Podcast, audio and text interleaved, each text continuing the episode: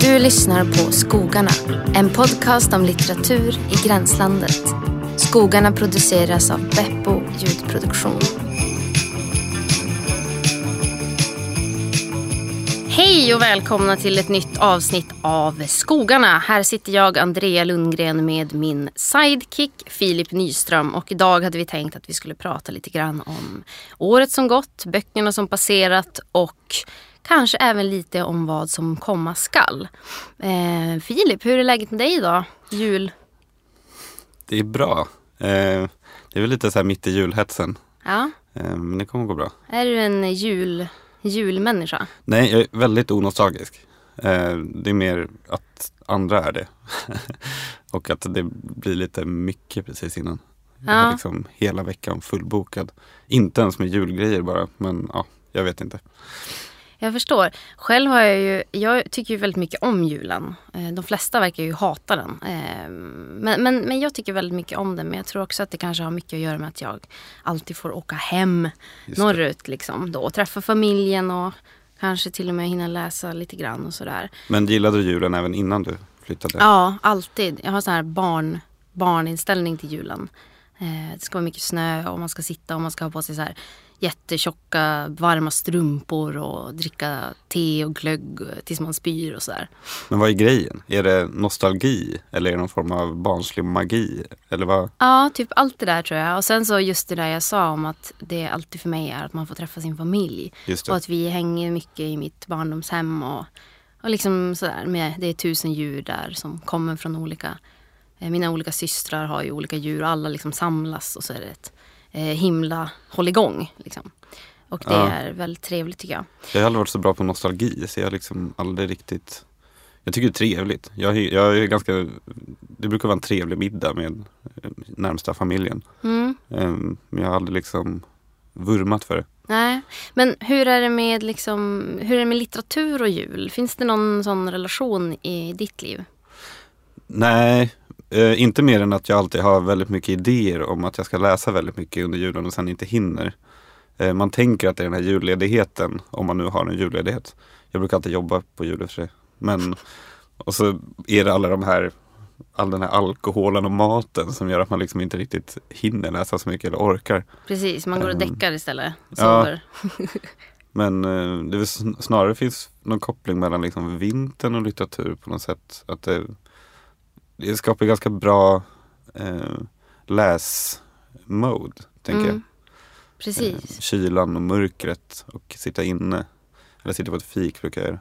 Ja, jag tycker också det. Jag tycker att ibland på sommaren när det är så jättesoligt och så kan det vara ganska jobbigt och så känns det nästan som att man gör något hemskt när man ligger inne och läser och därför brukar jag då i protest göra det extra mycket och så.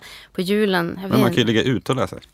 Ja men jag tycker inte om det, alltså jag blir störd. Man, det, är så här, det blåser och så måste man, nej jag gillar julen bättre eh, och vintern så. läser du någonting speciellt på den här delen av året? Liksom? Alltså- har, har du olika läsvanor beroende på årstid? Ja, lite grann tror jag att det är så. Jag har ju min sommarbok som jag ofta läser under sommaren som är Driv i dag faller regn. Här, ett, vi pratade om den, jag och Anna Remmets i ett avsnitt. Här, extremt romantisk eh, 1800-talsbok. På vintern så har några så här som jag verkligen förknippar med, med julen och det är ett år läste jag den här tjocka boken Villette.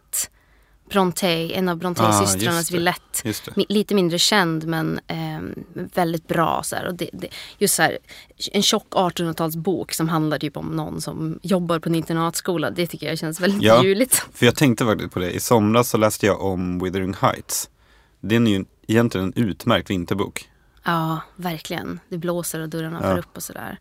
Sen så har jag också en... eh, Det finns en bok som jag alltid brukade läsa när jag var barn och som är fortfarande ganska magisk för mig. Som är en eh, bok som heter Tomtarnas hemligheter.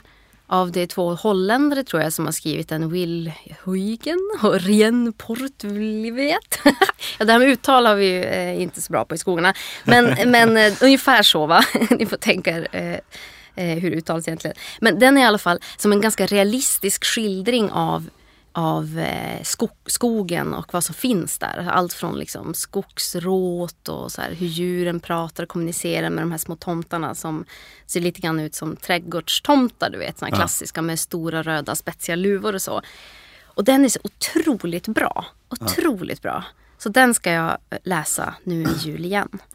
Mysigt. Men är det liksom en barnbok? Är det en bilderbok? Är det... Nej, alltså den är, den är rikt illustrerad men det är ganska text, mycket text ändå. Så Okej. jag skulle säga att det är en sån här allåldersbok. Ja. Man kan nog inte börja läsa den förrän man är åtminstone fem eller något sånt där. Ja. För att liksom kunna greppa. För det finns så ritningar på hur man bygger olika fordon till och med. Som man kan ta sig fram i, i skogen. Och sådär. Så att den är väldigt teknisk. Och typ, man får Okej. se genomskärning på så hur tomtarnas hus ser ut. Och så hur man ska hindra en orm från att komma in i, i huset. Och så där. Jättefin. För, eh, jag tänkte på det inför det här avsnittet. Försökte komma på julböcker jag har läst. Jag, jag tror att det liksom har avvärjt mig från julböcker överhuvudtaget. Allting som heter någonting med jul. Jag har aldrig läst Dickens till exempel. Christmas Carol. Nej, inte jag heller faktiskt. Eh, här, jag kan liksom inte komma på en enda förutom när man var liten. Liksom. Vi läste alltid den här Julmysteriet tror jag den heter. Av Justine Gardner. Ja, den har jag inte heller Den är läst. jättelättläst för typ 12-åringar, Ja. 10-åringar. Eh, Jag vet att jag en gång på julafton, eh, jag tog, ju, tog mig an eh, det ärofyllda uppdraget att vara tomte åt min systerson i många Mm. år. Eh, och att jag en gång läste hela Viktor Rydbergs Tomten. just det. Eh, med alla verserna. Och vilket för honom var fruktansvärt och outhärdligt länge. För att det var liksom innan man fick öppna julklapparna. Eh, men jag såg det som en kulturgärning. men det var bara den gången ändå. Alltså. Annars är ju familjepsykoser och sådär. eh, Och, och ganska vanligt, tänker jag, jultema. Lite som man brukar prata om Norén jul. Och att det ofta kommer filmer som är så här, nu ska familjen samlas och det kommer vara, alla kommer bli för fulla och det kommer komma upp skandaler Ja. och sådär. Jag har för övrigt hört att Norén älskar jul och tycker att det är jättetrevligt. Hmm. Att han har väldigt trevliga familjemiddagar. Ja, Det är roligt. ja precis. Roligt är. Ja, alltså, jag älskar ju för sig hela grejen med att skildra eh, en middag som, som blir liksom spårar ur. Hela den Ja. grejen tycker jag är väldigt Absolut. intressant. Eh, men det är sällan jag läser en bra text om det tror jag. Eh, det kanske inte är så ofta det kommer. Nej. Men eh, i alla fall, så att, eh, men du har ingen liksom som du har tänkt att du ska försöka läsa den här julen då? Någon bok? Jo, jo. Eh, och det här kommer du gilla tror jag. Ja. Eh, Jag tänker förkovra mig, eh, tänker jag, om jag om nu får tid. Vi får väl se. Eh, I Barnes. Juna Barnes? Ja. ja, det tycker jag förstås. Jag har tre böcker hemma nu. Nightwood då såklart. Och den här Ladies Almanac. Mm. Som ska vara någon form av lesbisk manifestroman. Eh, och en diktsamling som heter The Book of Repulsive, Repulsive Women. Mm. Briljant titel. Mm. Hon har också skrivit en farlig flickas dagbok, tror jag en av hennes novellsamlingar heter. Eller i alla fall en novell. Har du läst några dikter av henne? Eh, dikter, ja lite grann. Jag skrev en uppsats en gång om henne och då plöjde jag igenom det mesta som hon har skrivit. Men annars är jag ju mest besatt av hennes noveller och av Nightwood. Ja. Men vad roligt, du, kan, vi kanske får ha ett Barnes-avsnitt sen. Det vore jättekul. Ja, Jag ser väldigt mycket fram emot det. hon är väldigt eklektisk eller vad man ska säga. Ja. Eh, nu börjar jag alltid tänka på spöken när jag använder det ordet. Ektoplasma. Eklektisk. Ja, det vi lämnar det. Det passar sp- julen mer än Juno Barnes. kanske. Ja, alltså spökhistorier generellt tycker jag Mm. känns väldigt juligt. Ja, så här, verkligen. vinden viner, det är mörkt och något kommer in från... Ja, jag tänkte, jag tänkte faktiskt inför det här avsnittet en bra julbok. Har du läst Arthur Machen? Eller Machen? Ja, ah, alltså The Great God Pan. Ja, den har jag inte läst. Jag har bara läst den här The Hill of Dreams. Ja. Som har kallats för hans mästerverk typ. Jaha, den Som skulle handlar jag... om en så här konstnär som dras längre och längre ner i vansinne. Och börjar här, se syner och sånt. Ja, det låter ju Eh, jättebra. Han har ju kallats för, jag tror att Borges har sagt att han var en inspiration för magiska realismen och så här. Det Jag var väl förstår. sent 1800 tidigt 1900-tal, sent 1800-tal va? Tror jag. Ja, Ish. Det låter, Eh, det det låter känns som en perfekt eh, julbok. Ja, jag vet att den här, den store guden Pan, Mm. den var eh, väldigt rolig på många sätt att läsa. Det handlar ju liksom om att det finns den här pankulten och att Ja. det, man ska dra bort slöjan så får man se det fruktansvärda. Lite så här Lovecraft, den, ko- Ja. den kosmiska fasan så. Eh, och det uppskattade jag väldigt mycket. Den vill jag läsa. Hela, hela tanken på att det skulle finnas någonting som skulle visa sig om man tog bort slöjan, om man nu hittar slöjan, känns både lockande och skrämmande. Verkligen. tycker jag. tråkigt att, Ja. om det bara är lite så damm och några flyttkartonger. Liksom. Ehm, ja, Men- okej. Vad tänker du om eh, 2018 då? Eh, ja, alltså som, som litteraturår. ehm, jag vet att vi hade ju ett avsnitt där vi snackade om liksom, vårens böcker i början av året. Det. Och då så noterade jag att det fanns en tendens att det var många böcker som handlade om döstädning. Ja. Tydligen. Alltså så här, the Swedish art of death cleaning. Det låter ju Just det. roligare än vad det är. Alltså det handlar ju om att man ska städa bort alla sina prylar så att ens anhöriga slipper göra det när man dör. Eh, och, och det har varit mycket sånt så här, minimalism och sånt. Mm. Eh, och eh, nja, jag kan inte påstå att jag läst mycket sånt alls. Nej. Men däremot så tycker jag att det har varit rätt många bra böcker det här året. Ehm, alltså till exempel så en av de första böckerna jag läste, jag tror att den kom i år eller så kom den förra hösten, eh, är eh, en gammal bok som alltså återutgivits, Varlam Shalamovs Genom snön. Mm. Han satt ju i arbetsläger i 17 år i olika, olika läger då i, i Sovjet. Var är han från? Är han... han, alltså han, ja, är han ryss eller vad, vad, vad, han, vad det då hette då. Men han eh, tycker jag lite oförtjänt har blivit försvunnit under Solzhenitsyn som, som jag inte alls Mm. tycker är lika bra. Alltså. Alltså, den här boken Genom snön var en mäktig, mäktig, jag säger det två gånger, jag säger det tre gånger, det var en mäktig läsupplevelse. Otroligt stor. Hur han, hur han skildrar livet där, de här fullkomligt utsvultna, avmagrade, eh, misshandlade människorna som, som kunde hamna där av, av i, i princip vilken anledning som helst. Va? Eh, arbetar fast de inte orkar någonting och inte får någon mat i liksom 55 minusgrader. Alltså Kolima-lägret, eh, det är ju en av jordens kallaste och kargaste platser som det här stället Kolima ligger på. Kolima kanske man säger. Eh, och där ska de liksom jobba i så här guld, eh, guldgruvor och eh, kol. Eller jag vet inte vad, riktigt vad det är för, för arbetsläger. Men, och, och nästan hela boken kretsar kring väldigt små saker men ändå avgörande. Som mat till exempel. Mat och värme. Typ, man blir otroligt sugen på att äta så här bröd med smör och dricka buljong. för det är liksom den högsta lyckan för dem. Och sen en annan bok som vi ska prata lite mer om senare. Alltså jag har läst mycket eländesböcker det här året. Efter min långa spiral av existentiell, eh, läst mycket filosofi och mysti, mysticism, inte mystik, mysticism för att liksom bena ut eh, vad eh, existensens skelett är på något sätt, vilket förstås är omöjligt. Så har jag insett liksom den här genom snön. Det var som att få en, en känga i skallen. För det var då jag verkligen insåg att mår man skit, då ska man läsa den. Då ska man läsa den. Och inte för att det ska vara något så här perverst att man sitter i Ja. sin mysfåtölj och läser om torterade, plågade människor. Utan för att den handlar verkligen om livets... Alltså att, att, att äta sig in till märgen i livet. På något sätt. Bra formulerat. Och det är ju extremt plågsamt men samtidigt så kan han lägga han, är så, han skriver så otroligt fint. Han blev ju märkt för hela livet av det här och kunde inte ha, alltså, fast han blev släppt och överlevde och så, så kunde han ju förstås inte ha något vanligt liv efteråt. Men han gav sig ändå fan på att han skulle försöka skildra det då. Och han lägger liksom vikt vid sådana detaljer som, som jag tycker också eh, liksom kommer åt kärnan i vad, vad ett liv kan vara och kanske är. Och till exempel så kan han stanna upp vid dvärgtallen. Ja. Skriva ett stycke om hur, man, hur han ser dvärgtallen och hur den, hur den reser sig och lägger sig ner beroende på vädret. Så att den kan liksom, man kan förutspå om det kommer bli kallt eller inte beroende på den här dvärgtallen. Och det är så otroligt vackert. Och tänk att det mesta kretsar kring det här maten och buljongen och, och om man ska överleva dagen eller inte. Och så ändå att man noterar den här lilla tallen. Ja, jag vet inte, det djupt mäktigt. Som man, upp- som man ligger i djup ångest och försöker förstå misärens och existensen. Då ska man läsa Genom snön. Ja, jag tror det. I alla fall, det, det, Genom snön och predikaren. ja fast predikaren den kan jag inte rekommendera. Men, men alltså inte längre. Alltså. Jag har kommit förbi. Men, men, men Genom snön av Varlam Shalamov alltså. Mm. Väldigt starkt. Själv då? Har du någon sån där uh, som du har läst? Ny eller gammal bok i år? I så fall gamla böcker. Jag har läst en del eh, konstiga böcker. Eh, jag läser så himla lite nyutkommet, framförallt nyutkommet svenskt. eh, med nyutkommet överhuvudtaget.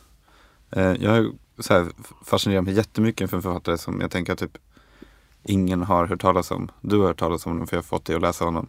Eh, Pierre Guillotat. Mm, just det. Eh, G-I-O-T-A-T. Eh, hans mest kända roman kom 1970 och blev censurerad i 12 år. Fransman. Eh, kom ut i Frankrike. Censurerad på 70-talet, ja. Mm, exakt. Den heter Eden, Eden, Eden. Blev censurerad för pornografiskt innehåll. Eh, och den är en form av roman, utspelar sig i Algerietkriget. Och det är bara beskrivningar av sex och av våld. Eh, och otroligt mycket smuts. Eh, som är framställt språkligt på ett sätt som är helt vansinnigt. Och men en kompis till mig som jag också tvingade på den här boken eh, sa att han inte kunde äta medan han läste den för att han började må illa. Vilket är ganska starkt idag tänker jag. Mm. Eh, Med tanke på hur härdade vi är på något sätt. Att språket kan, fram, kan få den känslan i en. Liksom. Mm. Kan du försöka beskriva närmare lite grann hur, hur, den är, liksom, hur är språket? Eller vad? Alltså språket är eh, en enda mening egentligen, hela boken. Eller med väldigt mycket semikolon och upprepningar. Eh, det är som att eh, man brukar prata ibland om alltså, aktion och miljöbeskrivningar i litteratur. Att eh, någonting som händer för handlingen framåt och så är det miljöbeskrivningar för att sätta någon ton eller så. Eh, den här har liksom inga sådana händelser. Eh, det är som att händelserna som sker beskrivs som miljöbeskrivningar. Det är som att han beskriver scener på scener på scener som beskrivs mer. Eh, kroppar som rörs. Ehm, Händer som förs. På ett slags passivt sätt låter det som. Är, är det så? Ja, väldigt kroppsligt Mm. och passivt. Och som sagt otroligt blodigt, pornografiskt, obehagligt, våldsamt. Eh, men väldigt drabbande, alltså otroligt intressant. Mm. Eh, jag hittade en artikel i Vice tror jag. Som handlar om den här boken och hans författarskap. Som beskriver den som en vägg av kött. Eh, att från långt håll så är det bara svart. Men när man kommer närmare så ser man att den är gjord av kroppar. Mm. Eh, ja, väldigt obehagligt, inte för den kräsmagade. Men otroligt intressant. Ja. Eh, finns inte på svenska någonting av honom. Men finns på engelska. Om man inte orkar med franskan. Just det. Och den är inte så tjock, eller hur? Nej. Det kan ju också vara lite skönt då om det Ja. är en, en vägg av kött. Mm. Att bara ramma rakt in i en vägg av kött. Om Ja. man vill göra det så kan man läsa den boken. Ja, verkligen. Ja men det är sällan man läser en bok som verkligen är som påverkar en sådär bokstavligt. Verkligen. Jag läste inte hela, min vana trogen. Eh, jag läser aldrig en hel bok. Nej men, men, men den, den är, ja alltså det är, stålsätta sig eh, blir man tvungen till nästan under Ja. läsningen. Så det är väldigt, Ja, och en annan bok som är åt helt andra hållet, för den innehåller inga ord alls. Eh, som jag har fasc- fascinerat mig för jättemycket under eh, senaste året. Är, eh, den heter Codex Serafinianus. Eh, den är skriven av, vad fan heter han nu? Luigi Serafino tror jag han heter. För det, är det är den här gamla boken va? Från 70-talet. Typ. Aha. Inte, inte så gammal. Ja. En galen italienare. Ja. Eh, som, han har liksom gjort som ett lexikon eh, över en värld som inte finns. Eh, på ett språk som inte finns, men som inte ens är ett språk. Det är liksom jättemycket text i den. Men det, finns, det går inte att dechiffrera, det är inte så att det är ett låtsasspråk. Det är bara massa tecken som ser ut som att det är ett språk som man inte kan. Liksom. Jag förstår. Är det bilder också då? Jättemycket bilder. Ah, ja. Men, det, men det är liksom hela uppslag där det bara är text som inte går att dechiffrera. Och så är det massa jättefina illustrationer på den här världen. Eh, och hur den fungerar, vad de använder för teknik. Det finns olika djurarter som han beskriver, eller beskriver. Ja. Kan man tänka sig att Man kan tänka sig att han ja. beskriver en, så här, någon maskin som kan knyta en knut på regnbågen. Och så här. Eh, otroligt spännande. Kan rekommendera alla. En Hur- perfekt julklapp. Hur hittar du den då? Jag vet inte, jag tror att det var någon gammal kollega som tipsade om den någon gång i tiden. Så har den liksom legat i mitt bakhuvud. Men eh, han har tecknat. Ja. Tecknat då? Vad spännande. Det var, det var en utmanande mening du inledde med. Så här. Jag, ja, den andra är en, en, en bok som inte innehåller några ord. den läste jag. liksom. Ja, visst. En annan som jag skulle vilja nämna från året som har gått som jag läste ganska nyligen är eh, Guldåldern. Mm. av Carl Johan Malmberg som är mest känd för att han har skrivit bland annat en bok om William Blake och en annan eh, bok om den här, eh, är han irländare? Ja, det är han väl. Irländare, den poeten eh, som heter Yates. Mm. Jag är alltid så osäker på hur man uttalar det. Eh, Verveilen. Ja, precis. Eh, Yates. Och, och, men den här guldåldern i alla fall, det är som en, vad ska man säga, en intellektuell dagbok.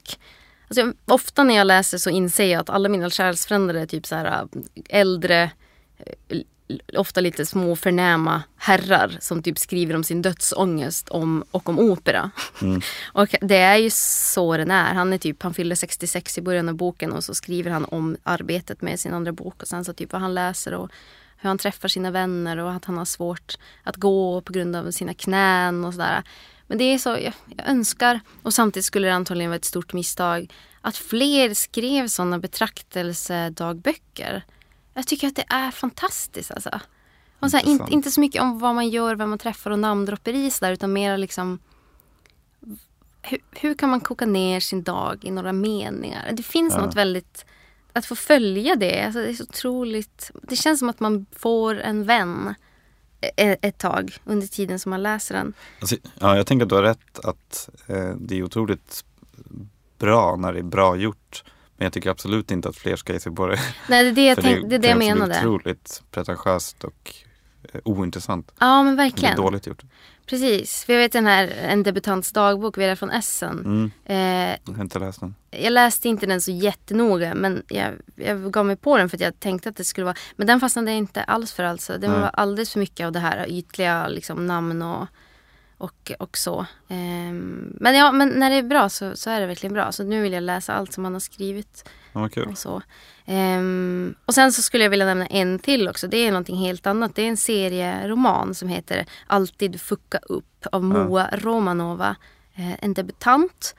Eh, och som nästan all annan svensk serie som ges ut i liksom, romanform så handlar det om en ung kvinna och hennes psykiska ohälsa. Men eh, och, mm, det är sagt om en lite så här en trötthet i rösten som du kanske hörde. Men, men, men jag tycker att hon, hon gör det på ett väldigt eh, eget och lekfullt sätt. Framförallt i hur hon tecknar. Sen är den sjukt rolig också. Alltså det handlar om hon har eh, självbiografisk, hon har panikångest och tar alldeles för mycket droger och så. Men eh, jag kan djupt rekommendera den. Eh, varmt rekommendera den säger man. Ja. Eh, kanske inte en mäktig läsupplevelse som genom snön men, men väl värd eh, en titt så. Men kul med bra serieromaner. Ja verkligen. Eh, det är inte så ofta. Är, är det någonting du inte har läst?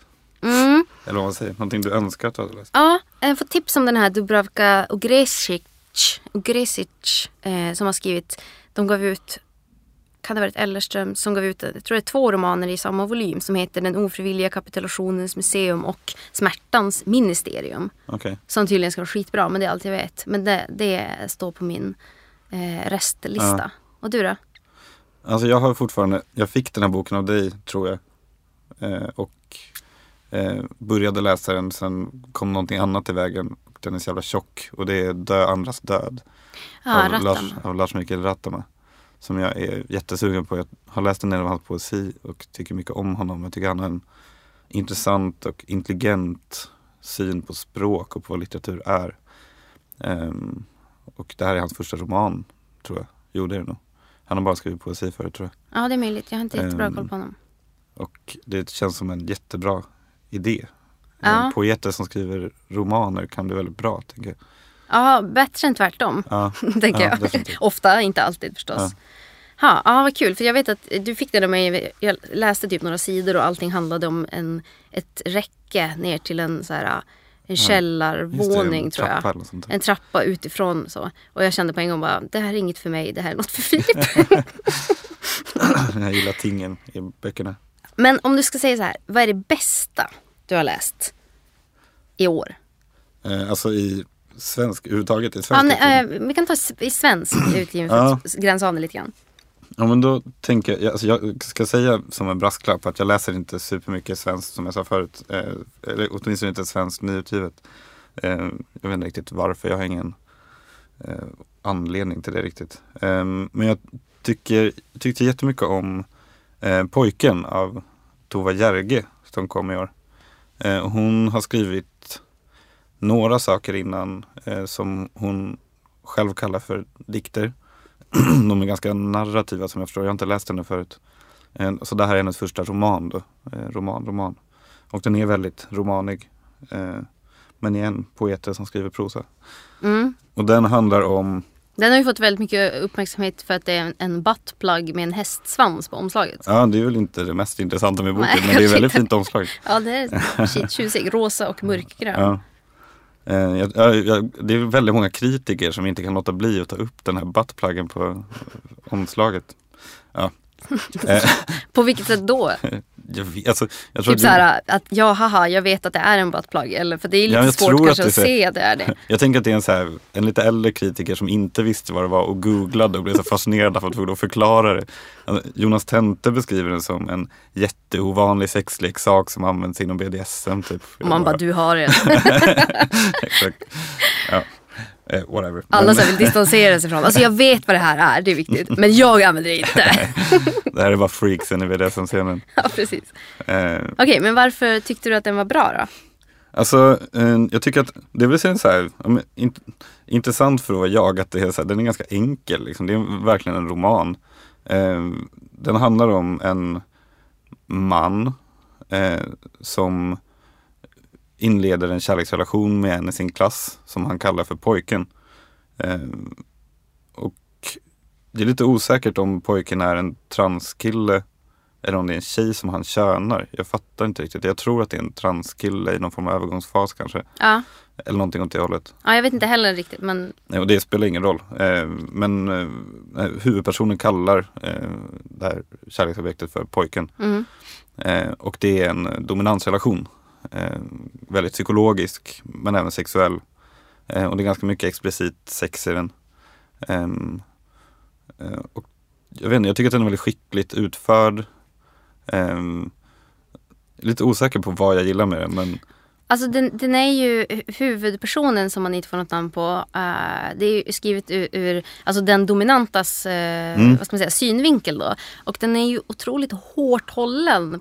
Precis som pojken då är Mm. på något sätt, i alla fall initialt i eh, huvudpersonens eh, regi på något sätt. Mm. Så att språket är, det känns kontrollerat och liksom man får så skildringar av hur jaget lagar mat väldigt planerat och det ska Mm. vara väldigt på ett särskilt sätt och liksom allting är eh, ja, men, uppställt som, som, en, som ett, eh, ja, hur ska man säga, eh, militärt liksom. Ja. Militär matlagning vad man ska säga. Verkligen. Och, och sen så givetvis så, så kommer ju det här då att krackelera under romanens gång. Men, men eh, du sa att du hade läst någonstans att, att det var någon som tyckte att den var kän, alltså känslokall. Ja, alltså eh, kritiken av den är väldigt lustig. Jag, hade, jag läste aldrig kritiken när den kom liksom. Men satt och gjorde det nu inför det här avsnittet. Eh, och den är lustig därför att det är som att alla kritiker blir helt fixerade vid den här eh, BDSM-grejen och kan liksom inte släppa det riktigt. Och det är ju en stor del av romanen, det håller jag med om. Men jag tycker nästan att så här, jag- tror att när du och jag pratade om boken någon gång tidigare så nämnde du egenmäktigt förfarande. Ja, Eh, och det är en lite konst... Lena Andersson, ja. ja. Ja, Lena Andersson. Och det är lite konstig jämförelse men också en ganska bra jämförelse. För jag tänker att så här, det som den här boken egentligen handlar om är ju hans, den här huvudpersonens eh, besatthet av pojken. Hela boken, hela texten riktas hela tiden mot pojken. Den, det, det är nästan ingenting som händer som inte liksom anknyter till hans tankar om pojken. mm. Eh, sen att det är en dominant situation, alltså det är viktiga inslag men det är den här besattheten som är liksom som är Precis som, som, sker. som i egenmäktförfarande. Ester. Nilsson som är helt besatt av den här f- filmregissören eller vad det nu är Ja. han är. Teaterregissör, målare, konstnär. Precis, och, och, och den är också lite neurotisk i språket. Något, ja. ja. Eh, och ja, på, på det sättet liknar de varandra lite grann. Liksom. Ja. Jag, jag tyckte aldrig om egenmäktigt förfarande så mycket men ehm, Men, men vad liksom, du sa att kritikerna har hakat upp sig på det här med, på att det är en dominansrelation. På vilket Ja. sätt har de gjort det? Alltså, Det är som att de kopplar alla personlighetsdrag som karaktärerna har till den här dominansrelationen. Till exempel så beskrivs liksom eh, den här pojken då som av Bo Gustafsson i Uppsala Nya Tidning. Som, och han är en annan sån där man som jag har en liten litterär crush på. Ja, skitsamma, Jaha, oj, fortsätt. Den här eh, recensionen var jättekonstig. Ah, ja, men han skriver roliga ja. så här. Ja, skitsamma. Ja. Eh, Så skriver han om pojken då att hans existensberättigande är som sadomasochistiskt sexobjekt. Jag vet inte riktigt vad, ja. Och jag tycker liksom, och väldigt många hakar upp sig på att pojken gråter ofta och mår väldigt dåligt och kopplar det direkt till att det är på grund av att pojken är eh, objektet i den här dominanssituationen. Och jag skulle säga att pojken mår dåligt från början. Ja, att det, att det blir något moraliserande då på något Ja sätt exakt. av Och att, och att snarare till och från i boken att den här dominansrelationen hjälper hans ångest. Alltså skapar en struktur, skapar vanor och det finns väldigt mycket ömhet i den här Mm. dominansrelationen. Som jag ser i alla fall. Alltså så du menar att det är många kritiker som har hakat upp sig på att liksom bara läsa den som, som en BDSM-roman Ja. då? Så att ist- istället för att om man skulle läsa Ester Nilsson, ja ah, men det är för att hon har den här heteronormativa relationen med den här Exakt. konstnären som hon mår så dåligt liksom. Exakt. Eh, och det kanske i och för sig är i det fallet. Men, Ja. men jag fattar vad du menar. Och jaget då som, som eh, det antyds att han har, har varit med om övergrepp när han var yngre. Eh, och han har olika problem och han är väldigt kontrollerad, kontrollerande även över sig själv. Men jag ser också det som, alltså det behöver, det behöver inte vara en anledningen till att han är, är peppad på eh, sadism i, någon, i sexuell synpunkt liksom, heller. Alltså det är inte nödvändig konsekvens. det är Liksom. inte en psykologisering Nej, jag tycker, och, och det är nästan som att undertonen av väldigt mycket av kritiken är att det här sadomasochismen är en perversion i gam, ordets gamla ja, bemärkelse. verkligen. eh, om att det är eh, någonting som är på grund av en dålig barndom eller på grund av ångest. Eller, alltså, att det inte är en form av sex eller en form av relation. Utan att det är liksom en sjukdom nästan. Mm. Eh, och det är väldigt lustigt för jag läser inte alls boken på det sättet. Ja, jag fattar. Jag vet att jag läste någonstans där det var någon som gnällde. Åh, det kommer så himla mycket BDSM-böcker nu, typ. Och man Ja. bara, vad är ens det för... Vad är ens det för kritik? Jag menar, det är inte som att man någonsin bara, åh det kommer så himla mycket heteroböcker nu. Ja. Alltså, eller det kommer så himla mycket nu, eh, vad det nu kan vara annars för. Det blir också så här skevt Ja, att läsa det bara som det. Jag vet, det är samma sak som lite grann när folk bara, ah, för att någon kommer från en förort så här, bara, åh ny förortsförfattare. Man Eller bara, fast det är lite mer komplicerat så. Det är så Ja. Alla i Norrbotten pratar inte heller skitlångsamt. Kolla bara på mig. Eller lyssna bara på mig. Ja, som- Se om du hänger med. Ett öga rött blev beskriven som en invandrarroman kommer jag ihåg. Ja Jonas precis. På, klockren Rinkeby-svenska. Han är väl uppväxt i Gröndalen och sånt där. Precis. Men, ja, men, men också att jag tycker typ att det som är mest perverst i boken det är ju typ hans relation till mat. Eh, det tycker jag, alltså hans, han, de här beskrivningarna när han lagar mat, de är mycket mer så här, kontrollerande på ett så här, neurotiskt eh, Alltså det tycker jag känns mycket perversare än den här dominansgrejen. Eh, Ja, och, och, sen, och sen en till reflektion jag hade eh, som jag inte har läst någonting om i någon recension. Det är typ att det är bland de första böcker jag har läst som eh, beskriver en icke-monogam relation. Alltså en flersam relation som inte är otrohet. Mm, eh, pojken det. träffar den här, eller eh, jaget träffar pojken som då är ihop med en tjej. Eh, som jaget träffar flera gånger. Eh, de har till och med någon scen där de har någon form av telefonsituation där de liksom inkluderar varandra i en sexuell eh, scen. Liksom. mm. Ehm, och, och pojken är ihop med den här tjejen hela boken. Liksom. Och, jag, och det är ingen som ens kommenterar på, jag vet inte om jag någonsin har läst en sån. Ja, nej, det är skildring, inte så liksom. jättevanligt. Vilket är sjukt i sig. Men Ja. Precis. Ja, jag tänker också en annan grej som är intressant med den här boken det är ju klasskildringen. Alltså för att det, det blir ju spännande. Om man tänker så här, man, en dominans och undergiven eh, liksom en relation där pojken kommer från rikare bakgrund eller vad man ska säga, högre, absolut. eh, större välstånd medan jag, eh, den dominanter och jag-personen är, har ganska ont om cash. Och, eh, och det är ju också en sån spänn som blir för mig, spelet mellan en övre och underlägsen person där det är iscensatt de, den maktrelationen går ju att luckra upp från olika intressanta Mm. håll. Bland annat då att eh, är egentligen inte den som är undergiven som har mest makt egentligen. Och när den undergivne liksom aldrig behöver oroa sig för pengar så blir ju också det ett överläge såklart. Och också den här, självträ, den här självklarheten i vissa rum som man har om man kommer från, eh, om man inte är över arbetarklassen Mm. helt enkelt.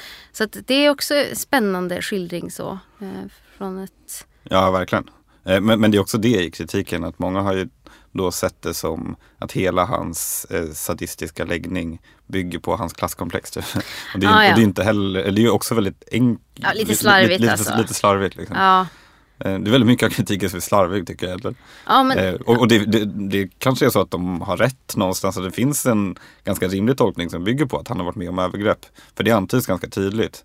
Och att därför har han på något sätt utvecklat det här. Men jag tycker inte att det är en nödvändig konsekvens. Och som sagt, jag tycker att det är lite slappt. Liksom. ja. Det är inte det, och det är framförallt inte det som är det intressanta med boken. Ja, men också så här, varför, han- varför vill en recensent liksom förklara anledningen till någonting? Om den Det är, inte, psykologiseringen liksom. det är ett ganska ointressant sätt att liksom läsa en bok istället Verkligen. för att eh, som att, som att eh, man känner att man måste liksom ställa sig i position till läsningen på något sätt då. Kanske, jag vet inte. Ja. Men, men, men jag tänkte på en annan. eh, Jenny Aschenbrenner i Svenska Dagbladet skrev så här. Annars är pojken en stramfull och stilfull debut som piskar fram en och annan sanning om hur tom och skrämmande världen är när man är alldeles fast inuti sitt eget huvud. Vad fan betyder det? Alla är väl fast inuti sitt eget huvud? Det, alltså, Ja. där, där är ju mycket, alltså, på det sättet tycker jag mycket, det är mycket obehagligare på det här tomma apatiska sättet med typ Isabel Ståhls roman Just nu är jag här eller för den delen Egenmäktigt förfarande. Det är mycket, alltså där är, där är de verkligen så apatiska och Ja, eller i Isabel Ståhls roman så är det väldigt mycket den här samtidens apati och Verkligen. tristessen. Eh, det här är ju mycket mer ett så här driv och motivation i jaget. Mm. Eh, även om det till och från är obehagligt. Eh, ja, precis. Fast i sitt eget huvud är man ju faktiskt alltid. Det går ju inte att... det är en lite konstig kommentar. Ja. Och, ja, eh, och också någon som säger att världen sedd genom hans ögon är tom och skrämmande. Det är också Jenny Aschenbrenner. Ja, Jag, jag tror liksom det kan man här, ju tycka. i och Men jag, men jag tycker liksom att det här tom och skrämmande de pratar om, det är liksom att, de är, att det är någonting icke-normativt, att det går bortom sexuella normer. Ja men precis som, Eh. att, som att, eh, precis som att eh, Precis som att det bara är den här sexuella relationen som är en konstruktion till skillnad från alla andra. I själva verket Ja. så är det ju så att alla konstruerar mer eller mindre normenligt då såklart. Men, men eh, makt, alla relationer är ju maktspel i någon mån. Liksom. Ja, eller, eller ännu värre den här som Martina Montelius skrev i Expressen. Förlåt, nu hatar jag lite på kri- kritikerkåren. Ja, men så här. Betraktar jag litteratur som narrativ inom citationstecken och arena för tankeexperiment är den mycket välgenomförd. Som lä- läsupplevelse är den på sin höjd ganska intressant men på ett djupare känslomässigt plan är den alldeles död och stilla. Undrar vad man skulle tycka om är den, är den, är den. Ja, alltså, som den där shit. väggen av kött. Hon hade hatat det. Men, men jag fattar liksom inte riktigt vad de menar med den här känslomässiga dödheten. För jag bara ser inte det i boken. Nej. Jag tycker att här, i deras spänning, som, som, som du säger, språket är väldigt kontrollerat och jaget har ett absurt kontrollbehov. Men det finns otroligt mycket ömhet i det. Liksom. Även när han liksom Mm. slår pojken så finns det väldigt mycket ömhet. ja, och det är ju precis. konsent i de slagen. Liksom. Naturligtvis. Och intressant, vi brukar inte prata om reception så mycket så det var ganska kul att göra det. Jag vet Ja. också faktiskt om jag ska nämna det att jag såg typ på Facebook eller någonting att eh, författaren själv hade gått ut och eh, svarat på någon kritisk, jag tror det var Mikaela Blomqvist GP eller Ja. något där. Och Okej. liksom citerat ut stycken och sagt så här, jag vet att det här har klivit över en tabugräns att man inte ska liksom, som författare ska man bara Ja, låtsas så, det är ju lite så. Alltså, man, man ska inte liksom... Alltså, konsensus är väl att man ska inte gå ut så här och svara på kritiken och Ja. så. Fast det, varför ska det Men vara så? hur, hur ser man det svaret? Finns det på, måste man vara kompis med henne på Facebook? eller? Ja, jag vet inte. Jag kan rota upp det åt dig någon gång. Så här. Men, men det var i alla fall lite kul. Och sen så svarade då den här Mikaela Blom, eller kritiken, om det nu var hon, jag tror att det var hon, i så här kommentarsfältet bara herregud, men måste jag liksom, och det blev så här jobbig stämning och jag bara va? Gud, härligt. Jag älskar jobbig stämning. Ja, ehm, ja, ja, men roligt. Jag tyckte också att den där boken var ehm, eh, en intressant läsupplevelse, helt klart. Man tänker ju sig att det bara kan sluta på ett sätt. Alltså det måste ju bli att pojken då såklart dumpar kontrollant, kontrollanten. Eller Ja. liksom bryter sig fri. Alltså det ju, känns som det vanliga i den typen av maktrelationer. Att den som har försöker förtvivlat hålla makten kan aldrig få behålla den på något sätt. Måste hitta. Men, men eh, det kan vi låta osagt, så jag vet inte. Vi brukar inte bry oss om spoilers i skogarna. Men. Ehm, så det var den bästa svenska för din del. Ja, åtminstone bland de mest intressanta. Liksom. Ja, det du har läst. Då, ja. eh, själv, så om jag ska säga det som jag tycker är det bästa jag läst på svenskt håll då. Det är Mirja Unges Jag går och lever. Som jag faktiskt inte fattar, om vi ska prata om recensioner.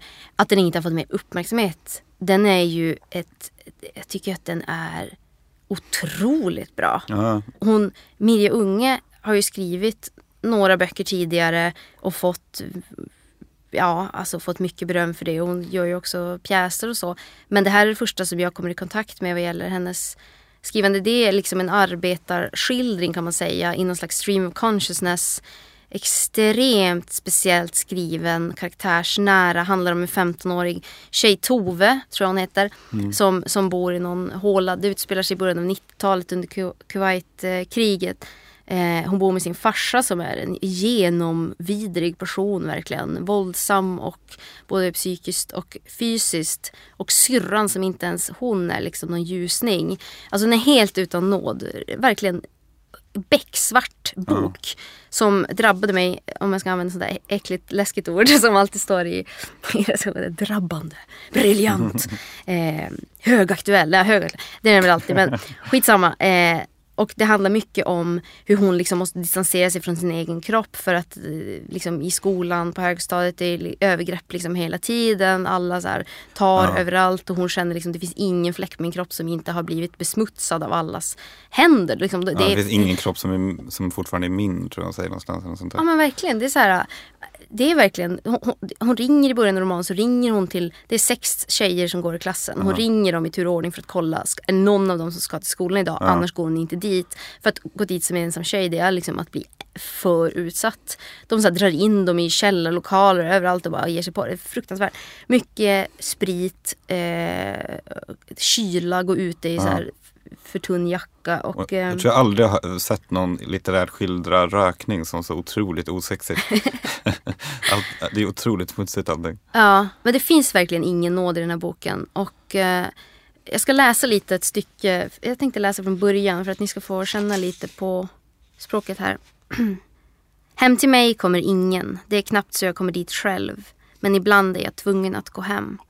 Jag hör farsan böka nere i källaren. Håll dig där nere för fan. I källaren hänger blåa gamla lakan för fönstren och det står kartonger och staplar och saker och gamla madrasser. Även någon glödlampa som hänger i någon sladd och försöker lysa. Han gillar inte att man rotar där, håller på och rota. Vad fan ska du ner hit och göra? Ska väl hämta något bara. Inte har jag lust rota heller. Har inte lust att hitta något för det har jag gjort ett par gånger. Jag duckar för hans fuktiga underkläder som hänger på galgar överallt där nere. Jag har mitt rum uppe. Väggarna är tunna som hud. Allting skorrar och skälver och låter genom dem. Jag hör honom där nere. Vad gör han? Plötsligt står han i trappan och bara lever. Kom inte upp för fan, jag hör stegen där nere, snart kommer de upp. Men nu har syrran kommit tillbaka och är arbetslös. Hon sitter i köket när jag kommer hem på morgonen. Hon har lyckats ta sig ur sängen och mörkret och de dyr lakanen, knöliga och fuktiga. Det är det att hon har varit borta men kommit tillbaka. Var fan har du varit i natt? säger hon till mig. Ingenstans, säger jag. Hörde du? vrålar syrran ner till farsan. Jag hör stegen upp för trappan, farsans steg i trappan. Han har vaknat och kommer upp för trappan. Jag hör hans steg i hallen och har jag lagt något i hallen och glömt om jag glömt något som ligger där någonstans och är i vägen för honom och hans steg. Han harklar sig och ställer sig på översta trappsteget och bara står. Han står i de vita långkalsongerna med säkerhetsnålen i midjan och ser på mig den jag har blivit och sitter och är och jag kan inte dölja. Det sitter där i stora svarta tröjan och håret, allt hår som hänger för. Ändå ser han mig och jag ser säkerhetsnålen, den slappare såren, könet som hänger där inne fritt. Han vill ha det fritt, ljummet, dunsande mot låren. Du har legat här inne, säger han till mig. Här inne, fattar du? Han pekar i skrevet på sina långkalsonger, sömmarna som hänger där, någon vit fläck, fröpåsen. Den lilla jävla skrynkliga tömda, inte lite tom den nu då. Han stoppar väl ner handen ibland när han sitter och glor på tvn och rullar skinnet mellan fingrarna. Jag bryter där. Man kan hålla på hur länge som helst. Ja, Finns- alltså hennes meningsuppbyggnad är ju extremt intensiv. Verkligen Mm. talspråk i att hon liksom tar om och tar om i meningar. Eh, som gör att man kan, få, man kan läsa betydelsen eh, betoningarna lite och därmed betydelsen lite olika. Men, Men här, också talspråk på ett så skickligt sätt, den här typen av talspråk som är väldigt litterärt. Liksom. Mm. Att det är ja, otroligt snyggt. Ja, alltså, det, det, här får man ju se henne då och sen så farsan eh, och den här syrran. Så det är som ett litet kammarspel alltid när hon kommer hem. En plats som hon aldrig vill vara. Det, det är ju det första som står där. Ibland måste man gå hem. Ehm, och annars är det skolan där hon inte heller kommer undan. Och annars är det dårarna som bor i byn, hennes uttryck. Eh, och, och liksom, eh, ja, är elände så. Ja, och Ehm. scenerna i klassrummet är ju helt fruktansvärda. Där Ja. är det verkligen en krigszon. Där Ja. de, tjejerna är hela tiden på sin vakt Mm. eh, och ändå blir de fasthållna. Det händer innanför tröjorna. Det är någon krycka som de slår upp i skrevet på dem. Och det är Ja, våld, så här, en, ett sexuellt våld som är närvarande och på huden hela, hela, hela tiden. Det är otroligt obehagligt. Ja, det är verkligen det. Men, men, men eh, hon, hon får in en existentiell eh, liksom, smärttråd eller något sånt där som, som hela tiden går genom texten. Att hon, hur hon liksom, utomkroppsliga upplevelser och samtidigt att hon, som här är när, när farsan kommer upp och ser henne där, att hon kan inte komma undan, hon är där och där är, hon, är, hon beskriver sig själv som ett, som ett vilt djur som aldrig slutar växa, alltså framför honom. Att hon, och så den här sexuella kopplingen när hon ser hans liksom, kön där. Alltså det är bara otroligt tätt, fuktigt och obehagligt. Verkligen. Ehm, så. Men jag funderade på varför jag gillar den här boken så mycket. Språkligt visst. Men sen så är ju faktiskt det här också ännu en eländes skildring. Alltså genom snön, eh, rysk, sovjetiskt all, arbetsläger eh, och jag går och lever som ju verkligen är svart, svart, svart. Vad är det med att läsa sånt? Eh, varför gör man det? Jag menar, jag jobbar i bokhandel ibland och där det vanligaste som folk kommer in och säger att de vill läsa det är ju typ jag vill ha något som är inte så deppigt eh, utan, ja men du vet alltså, någon, någonting som man, men så här, fly undan ett tag.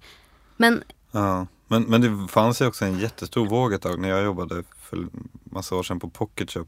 För då kunde det vara tvärtom. Kunde komma, kunde komma in till mig och säga jag vill ha någonting riktigt hemskt. Och då ville de ha typ pojkar som kallades det. Ja. Den typen av böcker. Så här missligt som det kallas, missröjligt.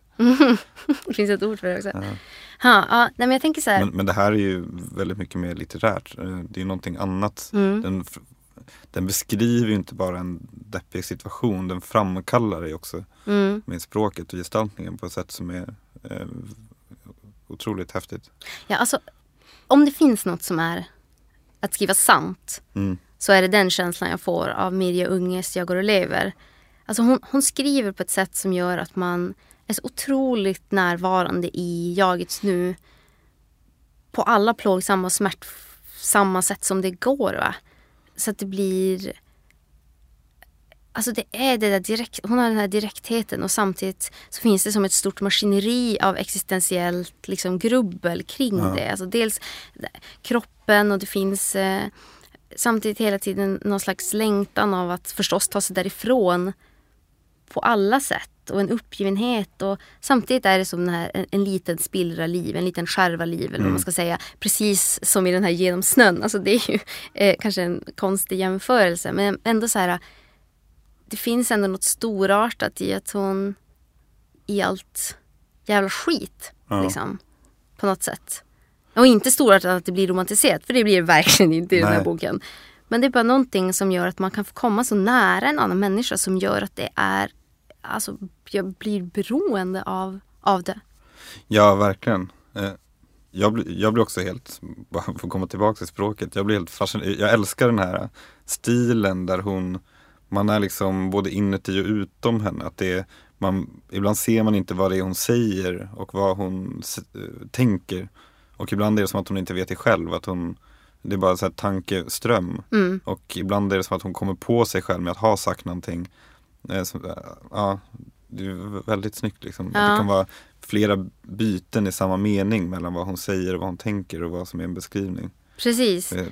Och sen så har hon också Häftigt. fantastiska sådana bilder som ibland att jag tror det är någon gång att natten trycker trycker typ upp näsan mot fönstret och bara stirrar in på dem som sitter i rummet. Alltså det, blir, allt, det blir som att det är väldiga eh, monster eller kanske varelser snarare som går runt i periferin, i rymden eller vad man ska säga. Ja. Runt det här lilla livet som hon lever, huvudpersonen då.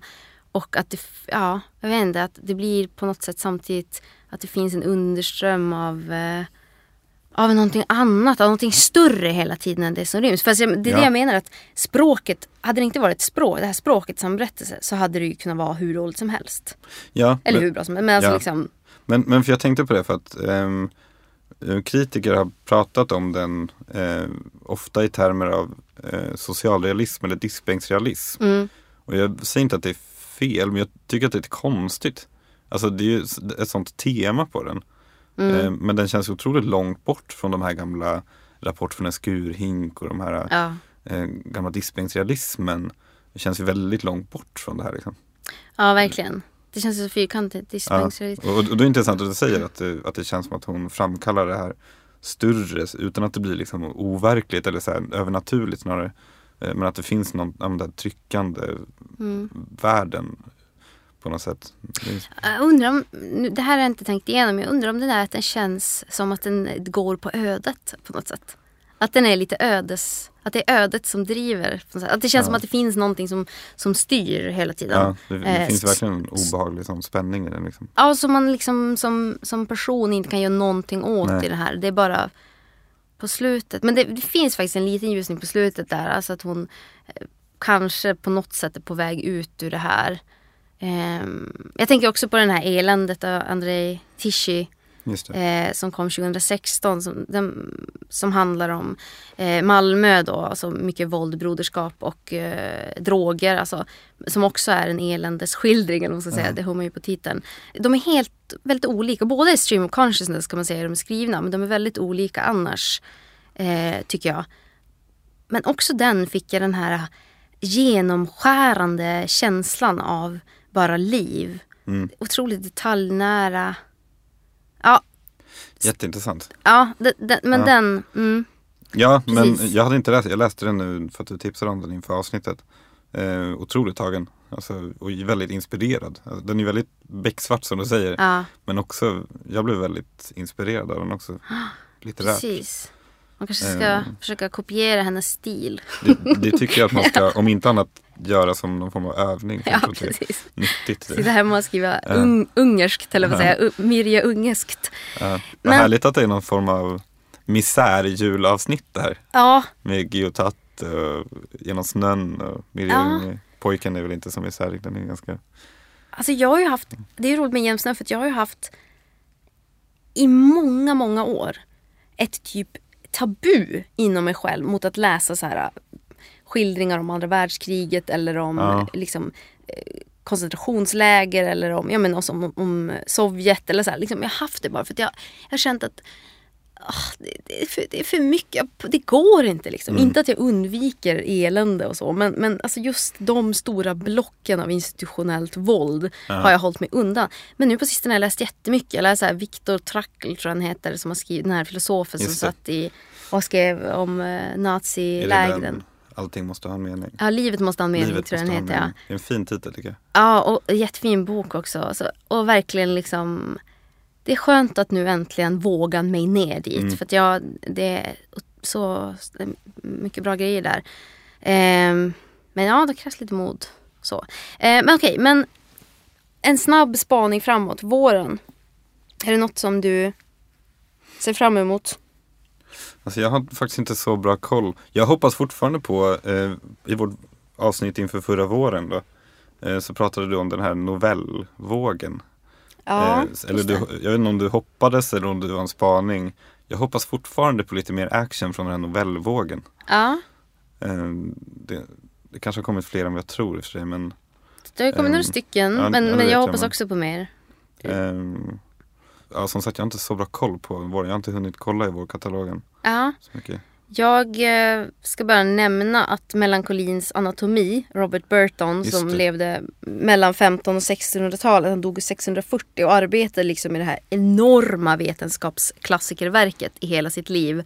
Den ska ges ut på svenska, för, jag tror första gången. Och det är ju Karin Johannesson du vet som Mm. skrivit Melankoliska rum och Den såede divan. Hon användes ju mycket av honom. Ja, Så jag har minns varit sugen på att läsa den jätte- jättelänge. Så det känns som en sån här Coolt. Eh, kulturgärning eller vad man säger. Sen så ska Lise Tremblay som vi har pratat om i rumslighetsavsnittet, huset vid St. Pauls väg pratar vi om då. Just det. De ska på Ramus ge ut en, en, en av hennes romaner som också handlar mycket om släkt, plats och eh, bro, broderskap tror jag det är specifikt i den här romanen. Det ser jag fram emot. Och sen så ska det lilla förlaget Phaeton, Phaeton Fa- F-A-E-T-H-O-N ska ge ut hela Birgitta Trotzigs samlade produktion inklusive Oj. massa outgivet. Verkligen en kulturgärning. I- Alltså jag darrar Ja. av iver. Darrar i ordet. Det kanske blir ett trotsig-avsnitt också. Ja men gud, man skulle kunna göra en hel podd bara om trotsig liksom. Ja men det, det ah, ja, Jag tänkte, stort. jag tänkte lite på trotsig när jag läste Unge förresten. På vilket sätt då? Nej, jag vet inte, någonting med eh, språket och Jag läste ju här i, mörkret och det här. Eh, ja, kanske det här mörkret som kommer liksom utifrån. ja, lite, det sipprar lite, Ja. det plaskar. Alltså det var ju någonting Exakt. med att syrrans dyiga lakan. Mm. Det var ju lite trotsig, trotsig. Verkligen. Ja i alla fall, de sakerna ser jag fram emot. Ehm, ja, men nu är det jul. Och eh, Misärjul. nu är det misärjul. Precis. Jag vet faktiskt inte vad jag själv ska läsa men något lär det ju bli. Ja, vi lämnar det. Men eh, det var roligt att höra om ditt litteraturår Filip. Mm, detsamma. Eh, ser fram emot att göra det igen nästa år. Absolut. Och med de orden så får vi ta avrunda. Önska er alla en, eh, vad säger man, fröjdefull, en fröjdefull jul. Fridefull, det låter väldigt präktigt. Fröjdesam, fröjdefull jul. Och eh, om det är någonting så är det bara att mejla på kontakta skogarna.se. Eh, ha det bra nu! God jul.